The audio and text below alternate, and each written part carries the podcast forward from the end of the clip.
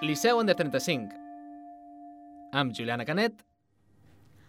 Bon dia, som la Juliana Canet i el Marc Lessant. Com estàs, Marc? Estic fantàsticament, tot i que una miqueta trist perquè aquest és l'últim episodi del Liceu Under 35, el vostre podcast de referència. que em sap greu. Efectivament, és l'últim episodi de Liceu Under 35, el sisè episodi. Ens ho hem passat molt bé descobrint coses sobre l'òpera i encara queden uns 20 minuts mm, bastant interessants, jo crec. Sí, on podrem gaudir de més coses sobre eh, l'òpera i sobre l'obra que us presentem avui, que és Norma. Hem vingut a presentar-vos, per tant, l'última eh, obra de la programació del Liceu de 35, la programació del Liceu, ja sabeu, amb obres d'òpera clàssiques de renom a preus assequibles per a gent jove com vosaltres, a més d'activitats extra per poder gaudir de la millor òpera sense renunciar al gaudir i al postureig. Lo del postureig és molt important. Jo he fet tants Importantíssim. Instastories Home. des que he començat a venir a l'òpera que no es pot ni explicar. Però sí, avui parlarem de, de Norma, que la podrem veure el pròxim dia 16 de juliol. 16 de juliol, Important. caloreta, ja vestidets una mica més curts, ja no passes tant de fred quan et poses de Ah. gala. Més Tinder que mai. Toca molt, toca molt, més, exacte, més Tinder que mai, és que és És una important. gran oportunitat per llegar al Liceu Under 35. En tot cas, entrades disponibles ja a partir de 20 euros. Però abans, aquest és l'últim episodi i, per tant, és època d'exàmens i toca fer un examen final. Estaràs d'acord amb això? Per tant, hem sotmès al públic under 35 a un quiz per posar a prova els seus coneixements sobre la història del Gran Teatre del Liceu, ara que en som uns experts nosaltres. Efectivament. Doncs ja tocava veure què n'opinava la gent, què en sabia la gent, i aquest és el resultat. Avui gravem l'últim report del Liceu. Entrevistarem algunes persones que veniu a veure Wozek per veure si realment heu après alguna cosa durant aquests mesos escoltant Liceu Under 35 o no. Home, és que portem gairebé un any empapant-nos de sabidoria d'aquest gran teatre i hem de veure si la gent que ve aquí a veure l'òpera doncs és més liceuer que nosaltres o no. Sereu liceuers? Sí? No? Comprovem-ho. El posto és important aquí. Ja tothom està fent-se les fotos aquí a l'escala. Anem a veure si tenen eh, sabidoria liceuer. Et farem un petit test per saber quantes coses saps del Liceu. Tu creus que estàs preparada? Um, no.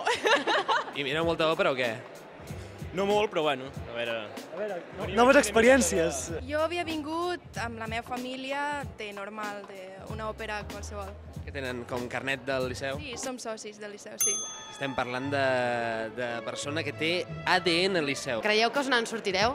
La veritat que no, eh? Ai, perdó, la veritat que no, no. Sé que és una mica una putadeta, però no us preocupeu, perquè eh, si no sabeu les respostes podeu eh, estar tranquils, perquè jo tampoc me la sé. Primera pregunta, quantes vegades s'ha incendiat el Liceu? Opcions, una, dues, no se sap segur, o cap en realitat es va inundar abans de les Olimpiades. Una segur. Eh, maybe two. Tu? Does this place look like it's been burned down sometime? It doesn't look like it has, but Looks I- I lovely. suppose. Dues, s'avinto que dues, eh? Estic molt convençut, eh? Sí, sí, sí. Jo crec que són dos. Dues vegades? Sí. És la teva resposta definitiva? Crec que sí. Correcte! Molt bé. Em saps dir els anys? No. Soc molt dolenta, jo sóc de ciències. Si et això dels anys, no... Finals dels, dels 80, 90 i, i abans, els, no sé, els 60 o, o abans i tot, no ho sé. Ho has clavat bastant, eh? 1861-1994. Següent pregunta, aviam. Abans que es construís el Liceu, el 1847, què hi havia en aquest espai? La, la primera opció és literalment res, tot això eren camps. O sigui, ja anava, anaves bastant ben encaminat. A. Res, tot això eren camps. B. Un convent. C. Un punt de reparació de carros. O D. Un forn d'agustació. Un vivari. Entre 65. Hosti, no sé, eh? Van entre Barcelona i, Pa- i Gràcia, crec que era tot camp. Doncs mira, aquí serà voleo, perquè això sí que no en tinc ni idea, però... Posa-li un convent, que fa més gràcia. Convent. Convent. Correcte, noies! Va, 3. A Liceu Under 35 totes les butaques tenen el preu únic de 20 euros. No sé si ho sabíeu. Sí. I think you can get paellas in Las Ramblas for more money than it costs to come here. Uh, Yeah, Have you eaten- Have you eaten paella, paella here? Eh, I have before, yeah. Was it expensive? Yes. And was it any good? Let me tell you, it wasn't. because it wasn't paella at all. Quantes butaques hi ha al Liceu? A. 1.714. B. 2.292. C. Més de 3.000. D. Exactament a les mateixes que al Palau Blaugrana. El 1714 no fa pinta, eh? Podria ser, no sé, eh? Doncs mira, 2.292, perquè m'ha fet molta gràcia el número. Aquesta noia està llegint les respostes, o si no, no estic entenent per què les encerta totes. Portem la meitat, va. Quantes llotges reials té el Gran Teatre del Liceu? Direm que té una llotja reial, la que va finançar Isabel II, dues llotges, una per al rei i una altra per la reina, per raons de seguretat, o cap. El Liceu no té llotja reial i en realitat això és un lloc que és republicà. Vosaltres creieu que venien molts reis per aquí? probablement. Burgesia... I... Burgesia segur. Això no fa pinta de ser un piset de ciutat meridiana. Aneu. No està el follet, no està el follet. Aquestes noies han vingut un total de zero preparades. La burgesia catalana era molt feta la seva, eh? Jo diria que cap. Sé que n'hi ha de la Generalitat, però no del rei. Eh, A- És que ni ho posa al guió. O sigui, a- a- aquí ja directament està deixant-nos anar fax del Liceu. Jo flipo amb l'Ima. Doncs cap, que aquí som molt del poble, escolta'm. Té una? Correcte, també! Molt bé, és al·lucinant! Durant el confinament, el Liceu va realitzar una acció que va ser portada del National Geographic. Què és el que va fer? A. Un concert per a 2.000 plantes col·locades a les butaques. B. Una òpera on tots els cantants anaven amb epis, vale? com si fos eh, eh, Heisenberg cuinant metamfetamina. C. Una òpera on els cantants cantaven des de casa i a l'escenari hi havia maniquís. O D. Van omplir la sala del públic generat per ordinador amb projeccions 3D. O sigui que van convertir el Liceu en un, eh, en un saló del Jabo. Jo diria les plantes. Plantes. Plantes. TV3, ho deuen dir molts cops. Es va dir molt, no, de les plantes. Van, que es va, van posar plantes allà als seients i tal, no? Segur? Van donar als metges, no? I tal, o... Uh, no estaves al·lucinant. No era un efecte secundari del Covid, això. A mi em sona a plantes, eh? Els cantants cantaven des de casa? Incorrecte! Però si aquesta era facilíssima, però si es va fer superviral durant el confinament, que van fer un espectacle en plantes de públic. Plantes, plantes. Sí, sí. Que hi perdem, no? Plantes. Sí? Fotem-li plantes, sí. Doncs és correcte, 6 de 6. Sou els màsters del Liceu, ho estem posant aquí a la pantalla, màsters del Liceu, està caient confeti. Aquí, Catalunya Central en sap, eh? Molt bé, la gent, no? Déu-n'hi-do. Sí, sí, no, tenen bon gust per la música i bon gust per, també pel, pel beure, perquè han agafat aquest cava, sense alcohol, que està molt bo, per cert. M'ha agafat les dues últimes eh, copes que hi quedaven a la safeteta. I res, doncs ara anem a veure una miqueta Bosec, no? Una copeta i cap a dins. Apa. Adéu. Molt bé, la gent se n'han sortit. Sí, jo crec, eh? Quina nota els hi poses? Un set i mig. Notable, notable alt? Notable Arrodonint alt. cap a dalt, no? Vale. No s'han de posar les millors notes mai al principi. No, no, no. no hem S'ha de crear deixar una mica... Exacte.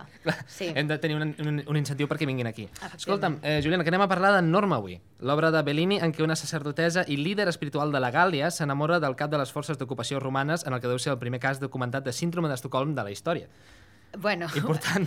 això ara ja podrem parlar amb més profunditat perquè tenim entre nosaltres una de les tres normes que actuarà aquí al Gran Teatre del Liceu, que és la soprana Marta Mateu, que escriu el seu nom eh, com a Mateu amb una H entremig i un accent, eh, però que en realitat és Mateu normal, Mateu en català. Com estàs, Marta? Ens expliques una mica això del nom? Doncs us explico. Doncs, bé, és el nom artístic, no? Igual com la Rocío Jurado, doncs es va posar Jurado i tenia un altre cognom, doncs jo m'he posat el meu cognom, més que res per diferenciar-me d'altres col·legues que també es diuen Mateu i sempre ens confonien, no? doncs a la crítica o en programes i jo vaig dir, doncs va, em posaré com a l'antiga, no? a l'època eh, medieval doncs els noms es posaven a maca intercalada i vaig dir, doncs jo també, dic, i amb l'accent, dic perquè depenent, dic si me'n vaig fora de Catalunya, dic doncs que no, Clar, me no, diguin, i- no em diguin el cognom com, com cal. Perquè sona més francès, això, també. Eh, Clar, Mateu. si no poses l'accent, la E i la U fan O i doncs, Marta Mató. No, Marta Ah. Mateu. Clar. Clar. Clar, però fa confondre també la gent catalana, perquè jo pensava potser te- eh, es pronuncia Mateu... Ma... Molts, molts col·legues i amics i això me diuen la Matthew. Ah, perquè com veus, ja... la Però, Matthew. bueno, però d'alguna manera la gent sempre identifica aquesta H eh, a la meva persona. Pues clar, gran estratègia, la veritat. Eh, quan llegim l'argument de, de Norma, de l'obra que interpretaràs juntament, juntament amb altres dues eh, sopranos, no podíem evitar pensar en Astèrix pel tema de la Gàlia. De fet, el context i l'espai són els mateixos, no? Bàsicament, la Gàlia, eh, més o menys als 50 abans de Crist, o sigui... És, és, Tot de és així. romans dolents. Sí, romans dolents. I vosaltres sent com la resistència, no?, una miqueta? Exacte. Bueno, de fet, eh, m'he deixat fent xup-xup la poció màgic, màgica a casa. Perquè, clar, és allò com si estiguéssim no, al, amb, al, al, als còmics de, de l'Astèrix, l'Obèlix, no. Uh, de fet, la Norma, el personatge de Norma, és una sacerdotesa. Llavors, més que fer pocions màgiques, eh, es decanta més per les pregàries i les oracions. O sigui, que està tot el dia resant. Bueno, ma pare resant també té dos nens, després també és filla d'un pare sotmès, o sigui, ella és sotmesa, no?, el pare allí que està... Després, Mm. eh, també és una dona traïda pel, pel seu amant. Bueno, té un follon allà que ni Ui, sí. eufòria, vull dir-te una... Imagina't. i Una de- moguda heavy. Clar, i després els nens, i, i després tot el poble, que, la, que aquell està al capdavant, no? O sigui, Mm. Ah. que té una bona feina... O sigui, una multitasking seria, no? Una dona allò que mm, Bueno, conciliació No tindria hora. absolutament entre la maternitat, la feina, Exacte. l'amor, em, Sí. traïda per una amiga... Mm, també. Bueno, és que no volem fer spoilers, però un follon bastant col·laborat. important. Fa de tot, fa de tot. És veritat per això que aquesta norma que podrem veure el proper 16 de juliol està dirigida per Àlex Uller, i que és un artista eh, resident del Liceu, i és important aix- aquest detall perquè està ambientada a la Guerra Civil. És molt diferent. Ah, O sigui, clar, és que canvia una mica tota la història, no? Sí, sí.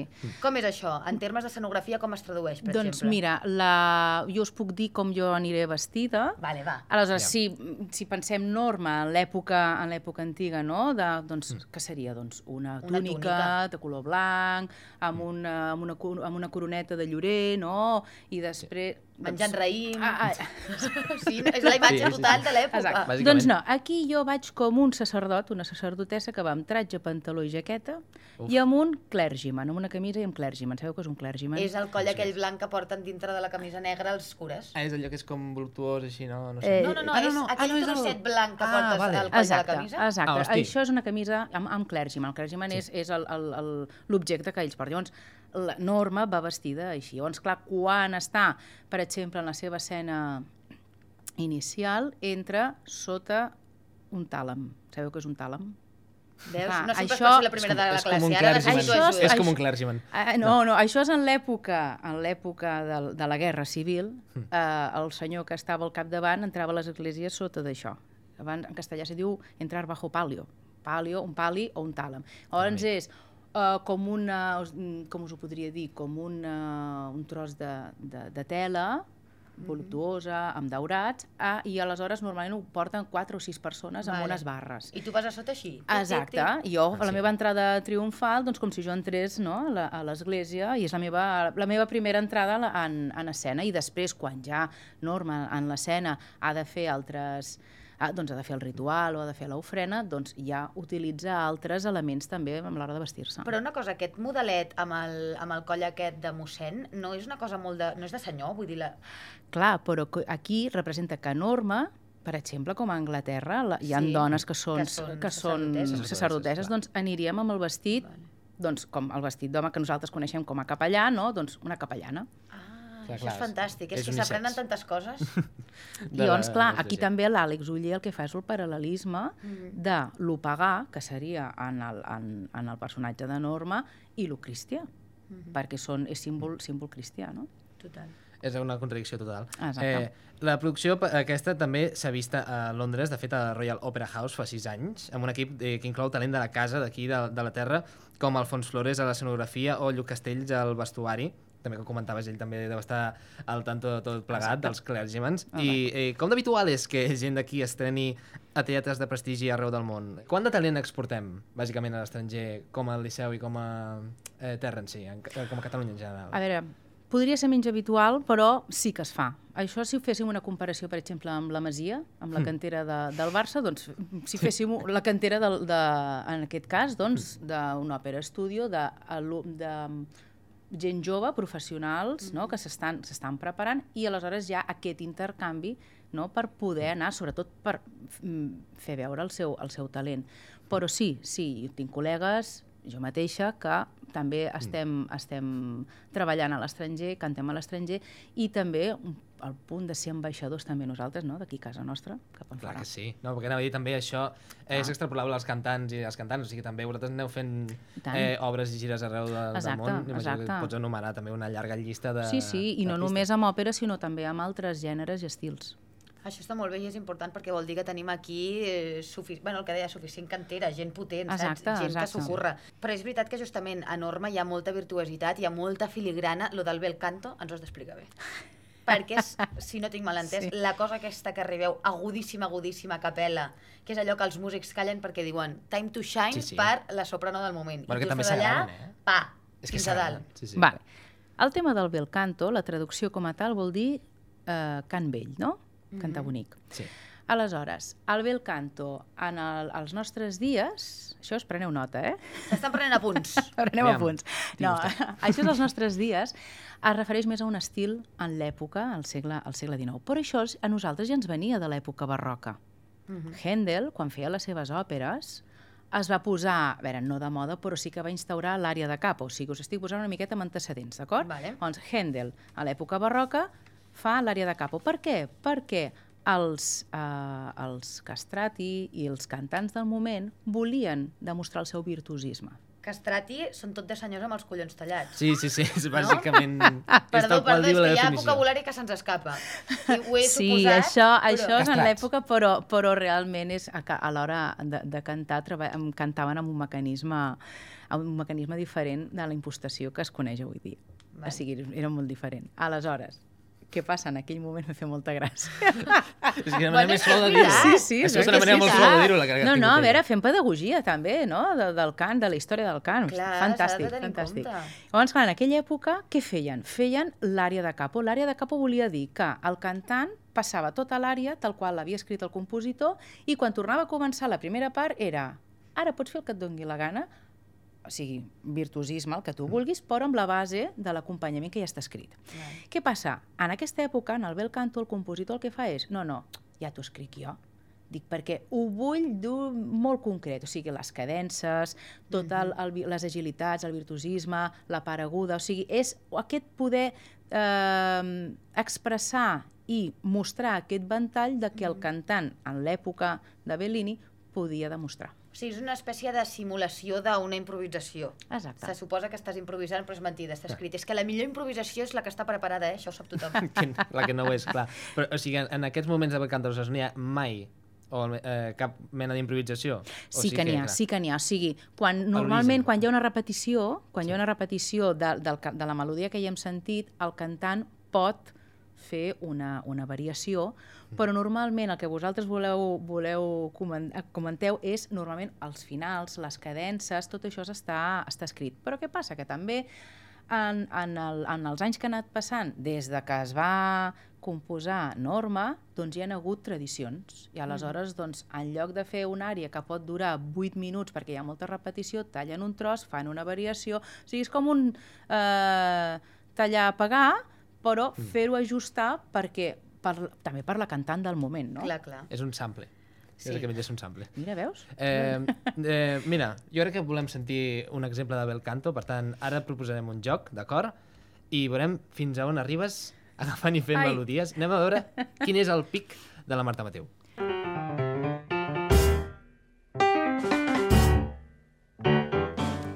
Seguim aquí al podcast de Liceu Under 35 i estem bastant nerviosos perquè després de parlar tanta estona sobre cantar, finalment sentirem la Marta cantar una mica. Començarem el joc, funcionarà així. Mira, comences el més greu que puguis i vas pujant rotllo a...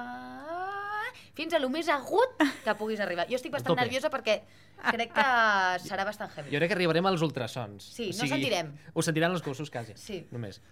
Doncs va, jo us proposo una cosa. Us reto a què m'imiteu. A veure si també podeu arribar agut com a mi. Eh, com a, com... No ho veig gens clar, però, però no passa res. Això pot sentir molt malament. Bueno, tot és provar-ho. Ara ho has dit.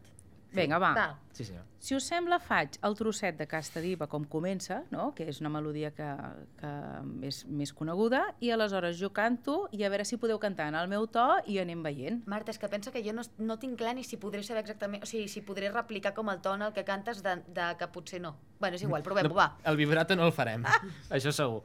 Va, provo. De lo més greu que jo tinc de la meva tessitura, eh? Casta diva... Vinga, ara Estic toca. Molt tensa. No, però fem-ho junts, Marc, jo no puc Ah, fer-ho ho hem de fer sola. de va, vegada? Val. sí. Pots tornar a donar-nos el to, sisplau? Que... Vale. Casta diva... Bueno, déu No, jo estic passant moltíssima vergonya. Déu-n'hi-do, déu-n'hi-do. Encara ho hem fet més bé del que m'esperava, eh? No, no, no, jo estic fatal. Vinga, segueixo, eh? Costa diva. Tres i...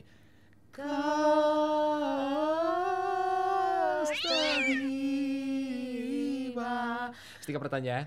Sí, Estic és que tu, arribant. tu ja has començat gi- directe ja amunt i ja Estic no, al- no, no has passat ni per la veu de pit. És, és que, Ja és, està, ja és, està que jo estic amb eh? el falset. Ja has anat, ja has És anat que allí. tinc un espai... Jo faig... Bueno. Ah, veus aquest espai No, aquí? però qui diu que millor no tens un ànima de contratenor? Ah, Mira, Ah, aquestes tot vocacions és es provar-ho, descobreixen tot aquí. és provar-ho. Més, Va. Costa diva. Tres i... Casta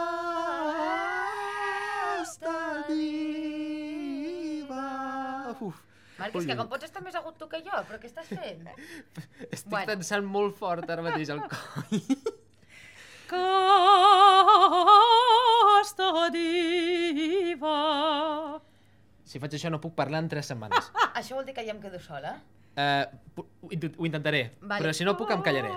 Quin era el to? Va. Costa diva.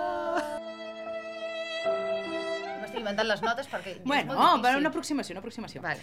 Costa diva. Uh, No puc seguir, em fa massa vergonya, ho Ho sento, és sento. que jo aquesta no la puc fer. Ah! Marta, baixo de carro. No, no, no, és que és això, que és això. No és... és... Gairebé, gairebé. Costa diva. I me l'allunyo, eh? Sí, sí. Costa diva. Costa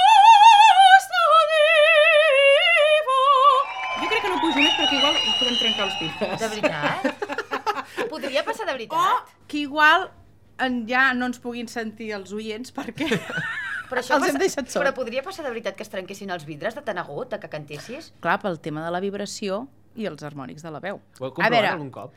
Uh, jo directament no, però per exemple, si tinguéssim ara mateix una copa de cristall molt fineta, amb la vibració aconseguiríem trencar-ho. Avui no, a veure, les tasses és una mica... Hauríem d'insistir-hi Home. molt. No són- no Estan són- bastant ben fetes, pirates aquestes no són. tasses, però, eh? Però aleshores, doncs, sí, sí, ja, per tema sobretot acústic. Bueno, déu nhi eh? Molt bé. Bueno, tot és Aquí estem.